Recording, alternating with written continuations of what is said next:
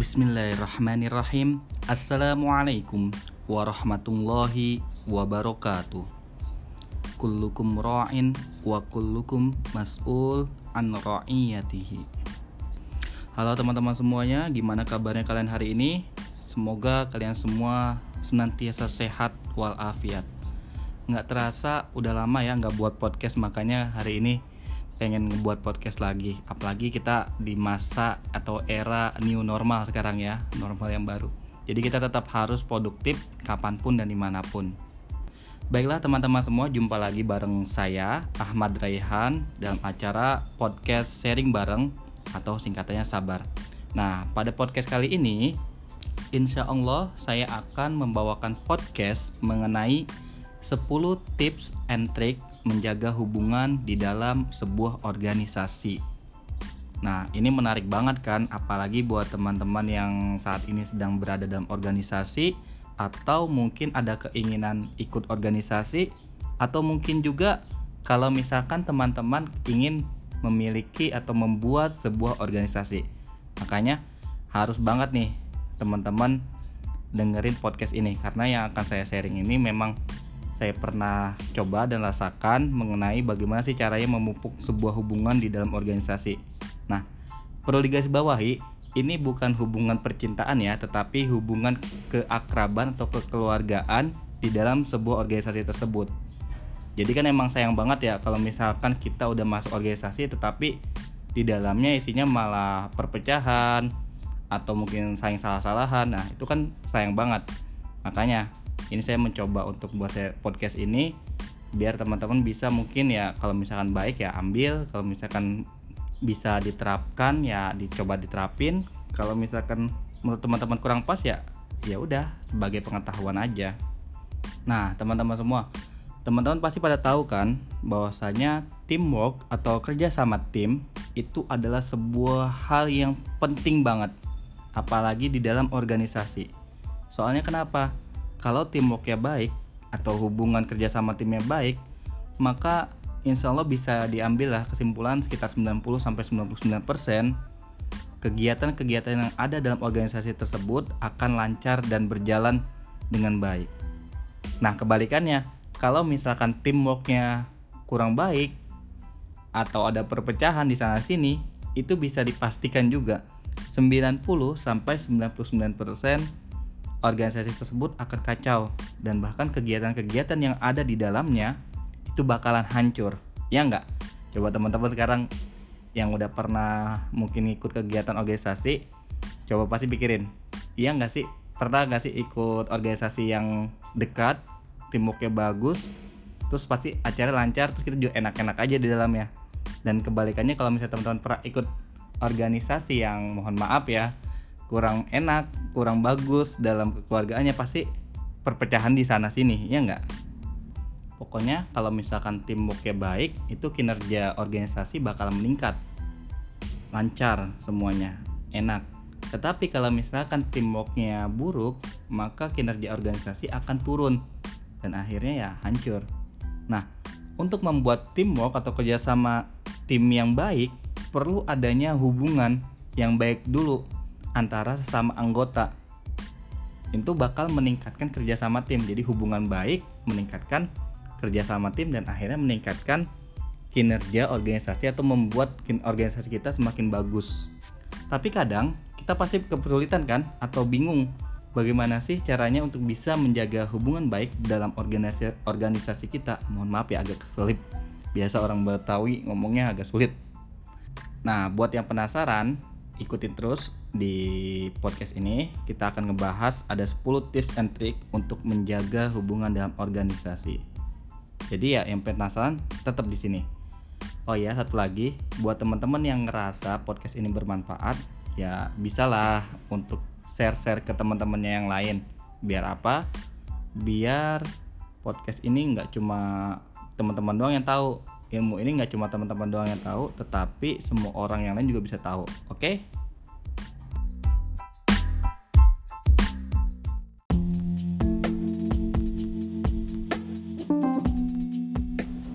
Yang pertama adalah komitmen.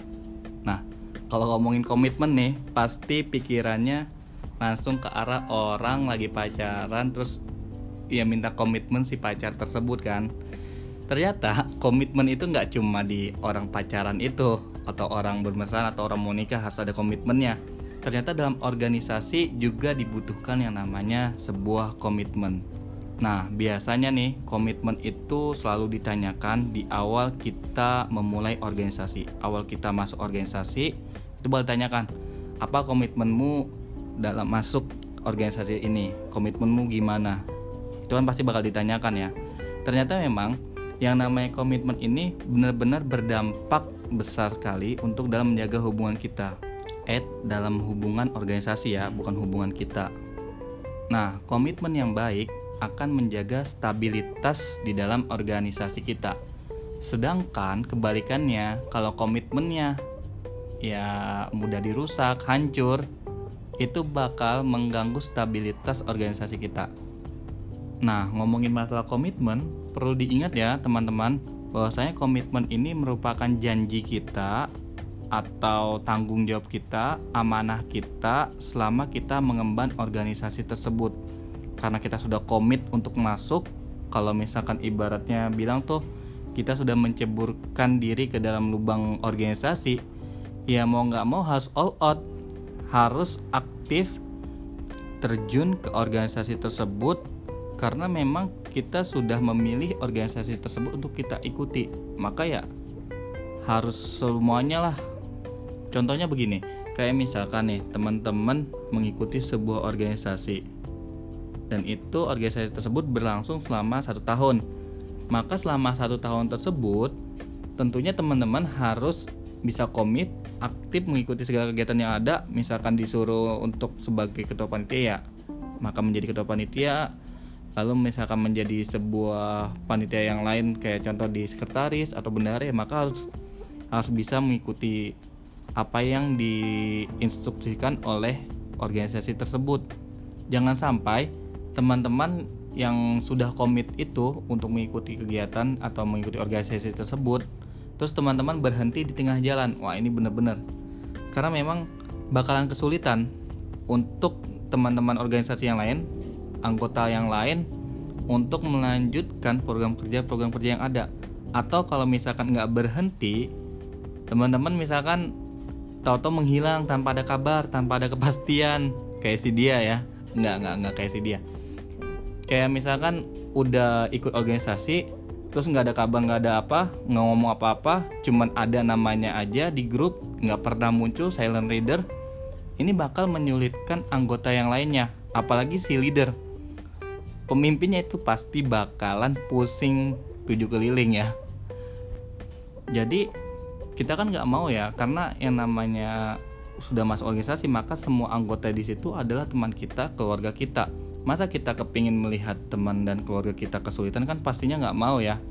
Ini pun berlaku dengan semua kegiatan yang ada. Kalau teman-teman sudah komit untuk ikut di organisasi atau kegiatan ya maka lakukan jangan setengah-setengah. Nah tapi teman-teman di sini saya ada sebuah catatan bahwasanya ini ada pengecualian. Kalau misalkan nih pengecualiannya contoh teman-teman mengikuti kegiatannya di Jogja.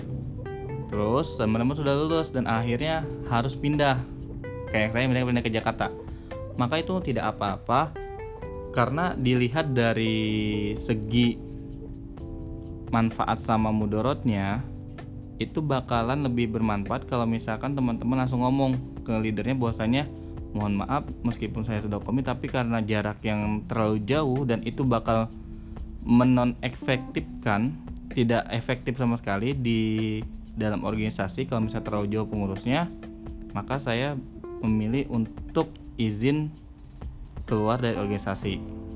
Nah itu lebih bagus karena jadi ada kepastian bahwasanya kita memang sudah tidak bisa lagi untuk ikut karena ada alasan. Alasannya apa tadi? Alasannya pindah pindah yang kota yang jauh.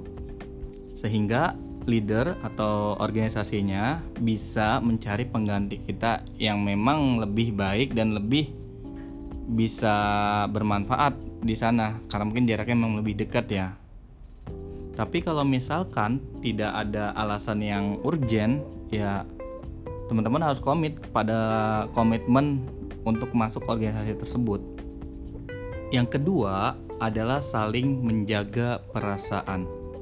Nah, si doi aja itu rasanya kita harus jaga. Apalagi ini teman-teman sama keluarga kita di organisasi. Itu harus banget kita jaga perasaannya. Karena memang yang namanya perasaan itu itu selalu dan pasti ada di setiap manusia. Kalau dia manusia nggak punya perasaan ya itu bukan manusia, bisa jadi itu dia hewan. Jadi di organisasi tersebut kita harus bisa memastikan bahwasanya hal yang kita lakukan, hal yang kita ucapkan itu tidak menyakiti perasaan orang lain. Dan bila sudah melakukan hal tersebut, otomatis maka suasana yang ada di organisasi akan kondusif dan memperlancar atau membuat kegiatan-kegiatan yang ada di organisasi, kinerja organisasi meningkat. Karena apa? Karena memang perasaan itu bisa mempengaruhi mood kita dalam menjalankan program yang ada, komunikasi kita terhadap orang lain, dan juga kebetahan kita di dalam organisasi. Bayangkan kalau misalkan ada satu orang yang tahu-tahu bikin mood nggak enak, bikin menyakiti perasaan ya pasti itu pasti itu akan berdampak kepada kita yang tersakiti dan juga kepada orang-orang sekitarnya pasti menjadi nggak enak dan akhirnya organisasi kita bakalan hancur atau tidak teratur.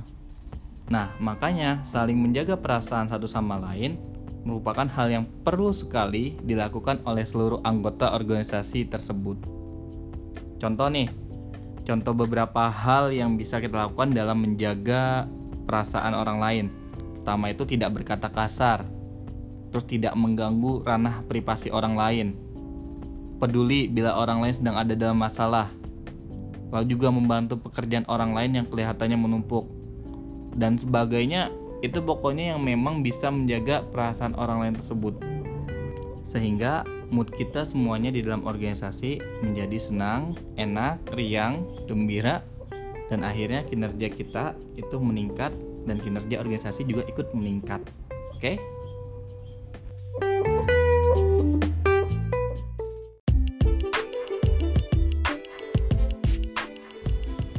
Hal ketiga yang bisa kita lakukan adalah patuhi aturan yang ada. Nah, dalam organisasi, faktor penting dalam menjaga hubungan adalah adanya aturan dan job desk yang jelas. Aturan yang jelas akan menjadi acuan bagi anggota dalam berorganisasi. Dan tentunya, kalau semuanya, semua anggota nih mengikuti aturan tersebut, maka akan terjadi keharmonisan, keharmonisan antar sama anggota. Mengapa seperti itu? Karena memang mereka mematuhi peraturan yang ada, tidak ada yang melanggar. Dan tentunya itu akan meningkatkan moral juga bahwasanya oh semua anggota kita ini disiplin. Semua anggota kita menaati peraturan sehingga akan memotivasi orang lain untuk ikut mentaati peraturan tersebut. Dan juga ikut menghormati aturan tersebut karena pastinya akan ada rasa tidak enak bila mana ada kita lihat seorang anggota yang melaksanakan atau menghormati aturan tersebut maka masa kita mau melanggar. Nah pastinya akan terasa tidak enak Makanya, kalau bisa kita yang menjadi pelopor untuk mematuhi peraturan yang ada. Kebalikannya, kalau misalkan aturannya nggak jelas atau aturan yang kita langgar, maka hal tersebut akan menimbulkan konflik atau perpecahan karena saking seringnya kita melanggar aturan. Untuk sebuah catatan, aturan dalam berorganisasi itu nggak selamanya rigid. Nah, rigid ini bahasa hukum ya. Kalau misalnya rigid itu artinya kaku. Jadi ya nggak selalu ketika aturan itu dilanggar ada ada hukuman hukuman hukuman dan lain-lain. Tetapi kadang juga perlu ada namanya keringanan. Kalau misalkan ada anggota yang melanggar. Kenapa ada keringanan? Karena memang di organisasi itu adalah sebuah keluarga. Masa pikirannya sebuah keluarga itu tentang hukuman terus kan? Ya tapi kalau misalkan orang tersebut sudah melanggarnya berkali-kali dan keterlaluan maka itu harus kita peringatkan kita kasih teguran dan juga kita kasih sanksi biasanya yang bisa melaksanakan ini ya harusnya adalah leader atau pemimpinnya hal tersebut agar pelanggaran atau melanggar aturan itu tidak menyebar dan mempengaruhi anggota-anggota yang lainnya. Yang keempat adalah kerjakan job deskmu. Nah, job desk itu singkatan artinya job description yang artinya merupakan rincian pekerjaan kita atau bahasa lainnya juga bisa kita artikan program kerja yang harus kita kerjakan. Pastinya sebagai anggota organisasi, kita tentunya memiliki job desk job desk yang menjadi tanggung jawab kita. Entah itu kita di divisi sekretaris, bendahara, atau mungkin humas, atau mungkin acara, tentunya selalu ada job desk yang menjadi kewajiban kita. Nah, dengan kita melaksanakan atau mengerjakan job desk kita dengan tepat waktu dan baik, itu tentunya akan menimbulkan keselarasan atau juga menimbulkan hubungan yang baik dengan anggota yang lain. Kenapa? Karena dengan kita mengerjakan job desk kita, otomatis job desk yang lain bisa terus berjalan dan job desk yang lain bisa lancar berjalannya atau mungkin juga bisa memotivasi orang lain untuk mengerjakan job desknya masing-masing. Kebalikannya, nah ini yang sangat mengkhawatirkan sekali ya. Kalau misalkan kita memiliki job desk dan ternyata kita tidak mengerjakannya, maka itu akan menghancurkan sistem yang ada di dalam organisasi tersebut. Bayangkan, kalian tahu efek domino? Ya, efeknya itu yang seperti ada domino disusun, ketika satu domino saja jatuh, ter itu bakalan menghancurkan seluruh domino yang ada. Sama juga seperti organisasi. Ketika ada satu job desk yang tidak berjalan, maka itu akan menghancurkan job desk, job desk, job desk yang lainnya. Sehingga menimbulkan perpecahan ya pastinya lah ya karena ada satu orang yang nggak mengerjakan itu rasanya pasti kesel sekali. Kita sudah mengerjakan ternyata dia nggak mengerjakan atau kebalikannya diam sudah mengerjakan kita ternyata belum itu pasti akan bikin orang lain menjadi kesal maka dari itu salah satu cara untuk menjaga hubungan adalah dengan mengerjakan job desk kita juga. Oh iya, sebagai catatan, kalau misalkan job desk kita sudah terpenuhi, maka tidak ada salahnya kita membantu job desk orang lain. Akan tetapi, jangan sampai job desk kita belum terpenuhi dan kita membantu orang lain karena ini akan menghambat kinerja organisasinya. Jadi, saya rasa mengerjakan job desk itu salah satu hal penting ya dalam menjaga sebuah hubungan. Yang kelima, yaitu komunikasi yang baik.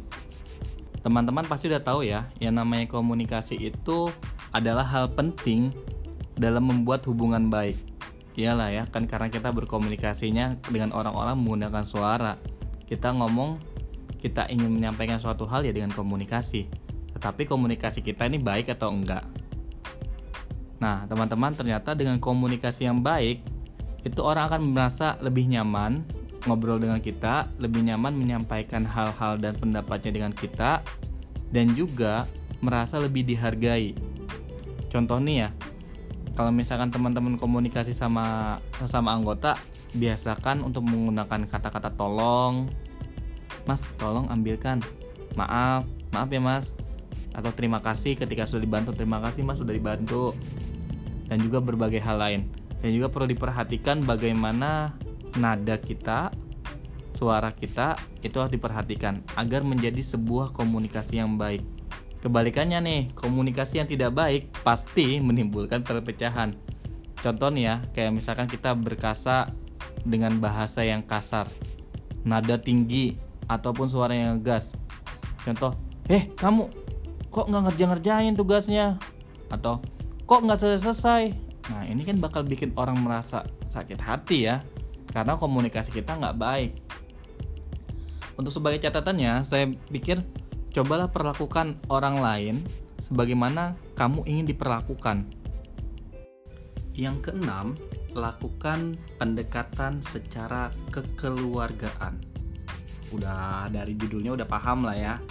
Berarti kita memang harus melakukan pendekatan antar sesama anggota secara kekeluargaan, bukan hanya dengan melakukan tugas-tugas yang formal tanggung jawab kita, akan tetapi juga secara kekeluargaan agar kita menjadi lebih dekat antar sesama anggota ataupun juga dari leader atau pimpinan lebih dekat kepada anggotanya. Nah, memang ya yang namanya pendekatan secara ke, secara kekeluargaan kalau yang saya pernah alami itu itu sangat amat penting karena di situ bisa meningkatkan rasa persaudaraan, rasa kekeluargaan, meningkatkan rasa nyaman juga dan juga meningkatkan rasa senang di dalam hati anggota. Nah, apalagi pendekatan secara kekeluargaan ini bisa mencairkan ketegangan. Jadi kalau misalkan kita ada masalah di organisasi, maka solusinya ya selain dengan aturan-aturan yang ada, lalu juga job desk-job desk yang ada, bisa juga menggunakan pendekatan secara kekeluargaan. Karena memang pendekatan secara kekeluargaan ini bisa mencairkan suasana dan juga bisa menyelesaikan permasalahan-permasalahan yang tidak bisa diselesaikan secara formal. Dan menurut saya juga yang namanya pendekatan secara kekeluargaan ini memang lebih banyaknya itu dilakukan oleh leader sih atau pemimpin. Tetapi kalau misalkan sama anggotanya juga melakukan pendekatan secara kekeluargaan yaitu malah lebih baik lagi untuk keberlangsungan organisasi tersebut. Karena memang kalau menurut saya pribadi organisasi itu adalah keluarga dengan satu visi, satu misi dan juga satu tujuan. Nah, untuk catatannya, pendekatan secara kekeluargaan ini dapat dilakukan dengan berbagai macam cara. Salah satunya adalah dengan chat secara personal, ya japri lah kalau bahasa kita ya, ngobrol sama dia bukan masalah kerjaan tapi masalah ya say hello hello aja. Lalu juga menanyakan keadaan, gimana kabarnya, menanyakan kesehatan, mengucapkan selamat bila ada hal-hal yang menggembirakan. Ini contoh kalau misalkan teman kita itu lagi dapat rezeki menang lomba atau mungkin dia wisuda nah itu bisa aja. Kita pendekatan kekeluargaannya dengan cara mengucapkan selamat ya selamat ya atau mungkin dia nikah. Nah ini bisa kita ucapkan selamat ya sudah menikah. Nah terus juga mengucapkan bela sungkawa bila ada musibah. Nah ini kalau misalkan teman kita atau sama anggota di organisasi kita mendapatkan musibah seperti ada yang meninggal lalu mungkin ada yang kecelakaan di keluarga maka kita juga ikut berbela sungkawa. Lalu juga mengingat ulang tahun. Ini penting banget karena dengan kita ingat ulang tahun dan mengucapkan selamat ulang tahun kepada teman kita itu di grup itu bakal meningkatkan rasa oh bahwasanya eh, keberadaannya itu terasa keberadaannya itu ada. Jadi sangat penting. Nah bisa juga ajak makan bareng. Jalan bareng termancur hat habis itu jadian. Nah ini yang habis itu jadiannya ini yang harus di skip ya. Jadi memang uh, pendekatan secara keluarga ini sangat baik sekali bahkan bisa sampai-sampai menjadi keluarga beneran. Tetapi intinya pendekatan secara kekeluargaan ini sangat dianjurkan sekali. Dan yang menurutku ini yang paling paling paling oke okay lah untuk mendekatkan hubungan sama anggota organisasi.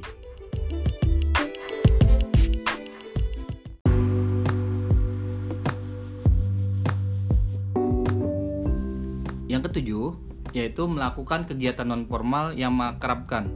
Tadi kalau udah secara kekeluargaan, sekarang kita melakukan kegiatan yang mengakrabkan. Nah, ini mirip-mirip dikit ya memang sama yang tadi.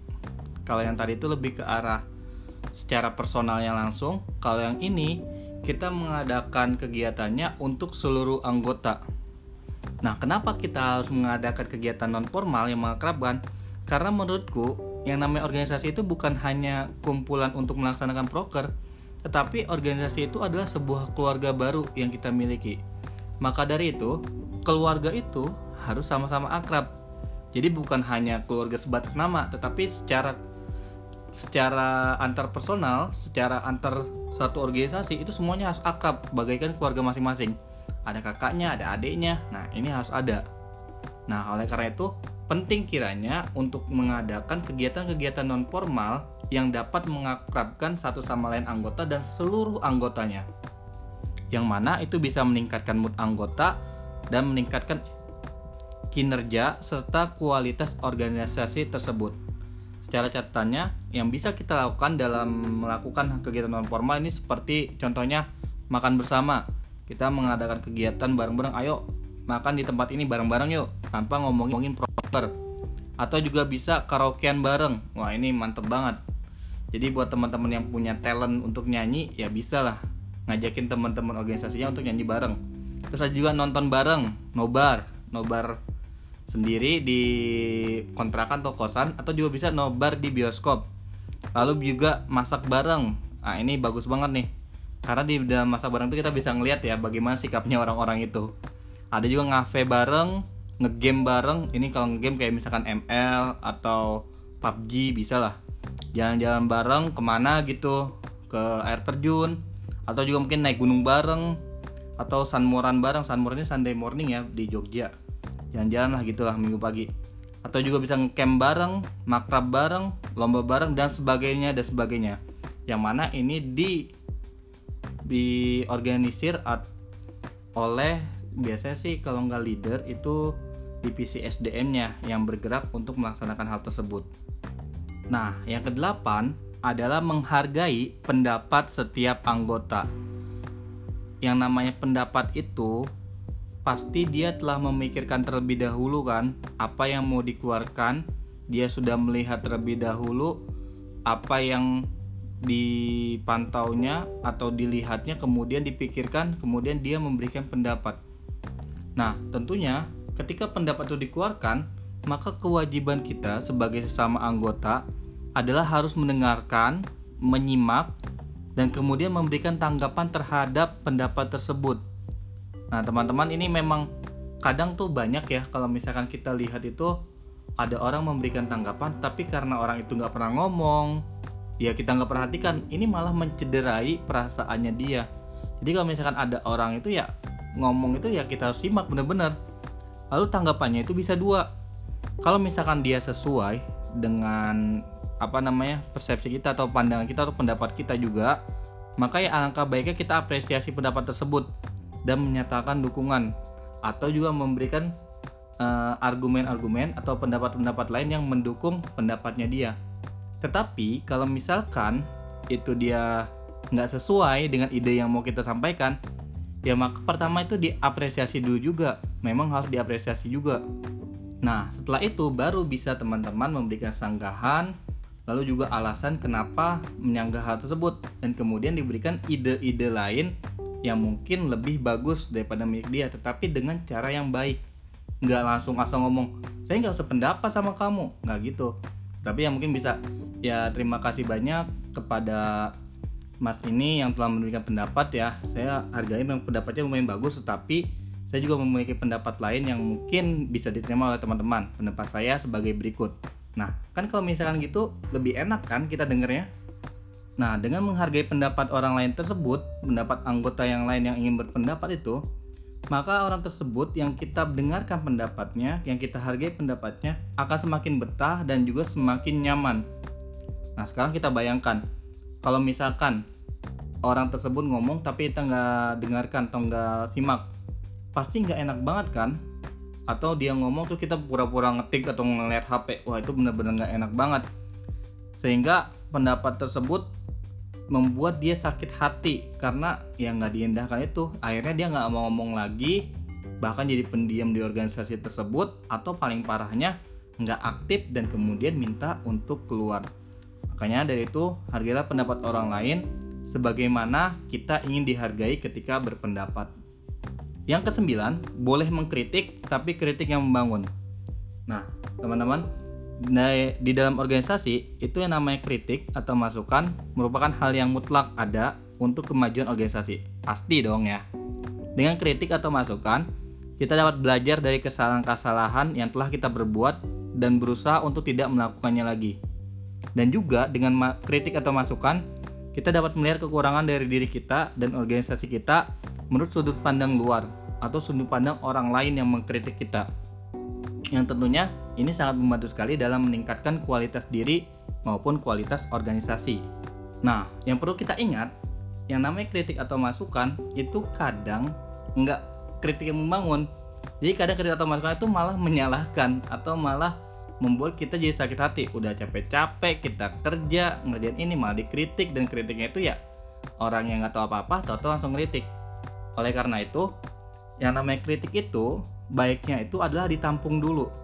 Ditampung yang mana yang kita anggap benar kita anggap baik kita terima kita laksanakan. Tapi kalau misalkan kritik itu nggak baik atau mungkin secara kita udah mencoba melakukannya tetapi memang hasilnya seperti itu dan kritik itu tidak kritik itu tidak terlalu membangun atau tidak atau mungkin kritik itu nggak bisa kita laksanakan ya itu kritik itu kita tampung. Jadi memang kita harus mengambilnya yang sesuai dengan kebutuhan organisasi. Dan juga cara dalam menyampaikan kritik ya. Cara dalam menyampaikan kritik ini kalau bisa haruslah sopan harus jelas. Contoh seperti ini ketika kita ingin mengkritik sebuah kegiatan atau sebuah divisi di dalam kegiatan di dalam organisasi tersebut maka kita harus perjelas dulu siapa yang mau kita kritik lalu apa yang kita kritik lalu alasannya kenapa dan yang terakhir yang paling penting kita memberikan solusi atau ide. Jangan sampai kita hanya memberikan kritik saja tetapi tidak menyampaikan ide. Atau mungkin bisa juga kita memberikan kritik dan idenya kita pikirkan bersama-sama dengan anggota yang lain dan juga perlu diingat, untuk sesama anggota yang mengeluarkan kritik, maka benar-benar harus dipikirkan kritik itu. Karena kritik tersebut bisa jadi menyakiti perasaan anggota organisasi yang lain, sehingga bisa menimbulkan kerenggangan. Nah, ini yang sangat-sangat tidak diharapkan. Lalu, untuk teman-teman yang mendapatkan kritik, maka harus legowo. Harus benar-benar bisa menerimanya dengan baik, karena itu tujuannya adalah demi peningkatan diri kita pribadi dan juga organisasi. Jadi kalau misalkan itu untuk kita, maka kita harus terima dan kita lihat apakah ini benar-benar kritik yang bisa kita ambil dan kita bangun untuk diri kita yang lebih baik atau tidak. Kalau misalkan kita rasa uh, ternyata kritik itu memang hanya menjatuhkan kita ya udah didengarkan aja nggak usah dimasukkan ke hati. Karena kebanyakan itu gara-gara kritik atau masukan atau evaluasi lah ya. Itu semuanya jadi bunyi jadi buram akhirnya jadi pada musuh-musuhan dan organisasi akhirnya jadi kacau. Sebagai catatan dalam menyampaikan kritik harus memilih kata-kata yang baik dan nada bicara yang tidak menghujat. Berikan juga motivasi agar kesalahan tersebut tidak terulang. Dan bersama-sama kita dapat berubah tidak mengulangi kesalahan tersebut Jangan sampai anggota lain merasa bahwa kita tidak menghargai kerja kerasnya hanya karena ia melakukan suatu kesalahan. Ingat, setiap orang pernah melakukan, kesalahan. Yang penting adalah ia mau berubah dan memperbaikinya. Jadi memang pemberian kritik ini sangat berguna sekali untuk organisasi, tetapi dia seperti pisau bermata dua. Oleh karenanya, kita harus pintar-pintar dalam menyikapi pemberian kritik tersebut. Yang ke-10 ialah membuat setiap anggota merasa penting atau berikan tiap orang program kerja sesuai dengan porsi. Nah, setiap anggota di organisasi haruslah memiliki tugas atau program kerja yang sesuai dengan dirinya atau divisi yang dipilihnya. Dengan adanya program kerja tersebut, akan menimbulkan perasaan bahwa dirinya bermanfaat bagi organisasi dan telah ambil bagian dalam organisasi. Anggota yang telah merasa bermanfaat dan merasa bahwa dirinya penting di organisasi akan meningkatkan kenyamanan dirinya di organisasi dan bila anggota tersebut sudah nyaman akan meningkatkan hubungan antar anggota dan kinerja dari tiap anggota yang tentunya berdampak positif bagi kemajuan.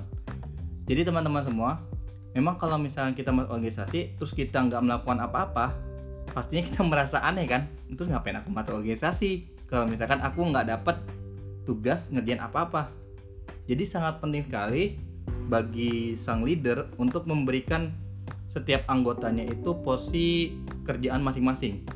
Sehingga setelah dia mendapat kerjaan, dia melakukan pekerjaannya itu otomatis dia akan merasa bahwasanya dia bermanfaat untuk organisasi ini dan dia akan menambahkan rasa nyaman, rasa kepemilikan, rasa kekeluargaan dalam organisasi tersebut.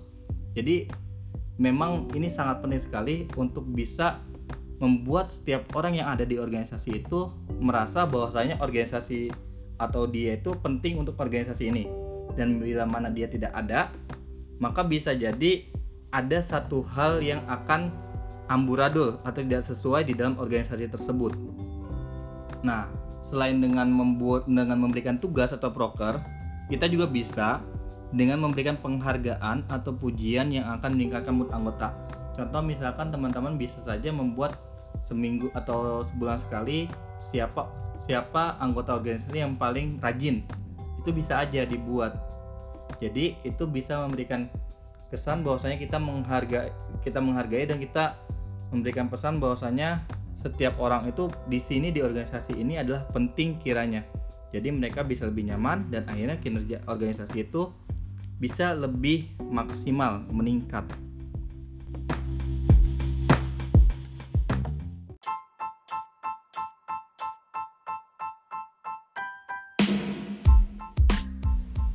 Saya teringat dengan satu pepatah bahasa Arab yang mengatakan Al-haqqu bila nizamin qad yaglibuhul batil bin nizam.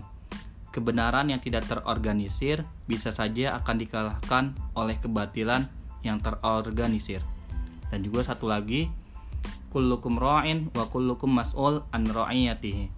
Setiap kalian itu mempunyai tanggung jawab, setiap kalian itu adalah pemimpin dan setiap dari kalian itu penanggung jawab dari apa yang kalian pimpin. Nah, jadi teman-teman semua, dalam sebuah organisasi itu menjalin keakraban hubungan antara satu sama lain itu merupakan sebuah hal yang sangat penting dalam meningkatkan kinerja dan etos kerja.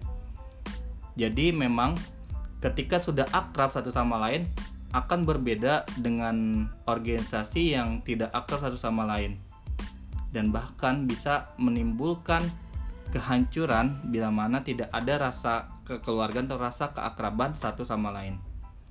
Nah, oleh karena itu teman-teman eh, tanggung jawab untuk meningkatkan keakraban itu bukan hanya ada di ketua atau leader saja, tetapi itu ada di diri kita semua, di diri masing-masing anggota yang ada dalam organisasi tersebut. Jadi kita juga bertanggung jawab untuk menciptakan situasi yang kondusif, enak, nyaman, kekeluargaan di dalam organisasi. Organisasi itu maju, maka kita akan mendapatkan juga uh, apa namanya limpahan berkahnya. Berkahnya dapat kita juga mendapatkan pengalaman yang lebih dan juga kita bisa melakukan hal-hal yang tidak bisa dilakukan oleh organisasi yang nggak maju. Oke saya rasa cukup sekian untuk sharing kali ini uh, terakhir kalau misalkan teman-teman merasa sharing ini bermanfaat bisa teman-teman memberikan atau men-share uh, podcast ini ke teman-temannya yang lain agar hal ini bisa lebih bermanfaat untuk semua orang. Terima kasih banyak. Saya akhiri. Wabillahi taufik wal hidayah. Wassalamualaikum warahmatullahi wabarakatuh.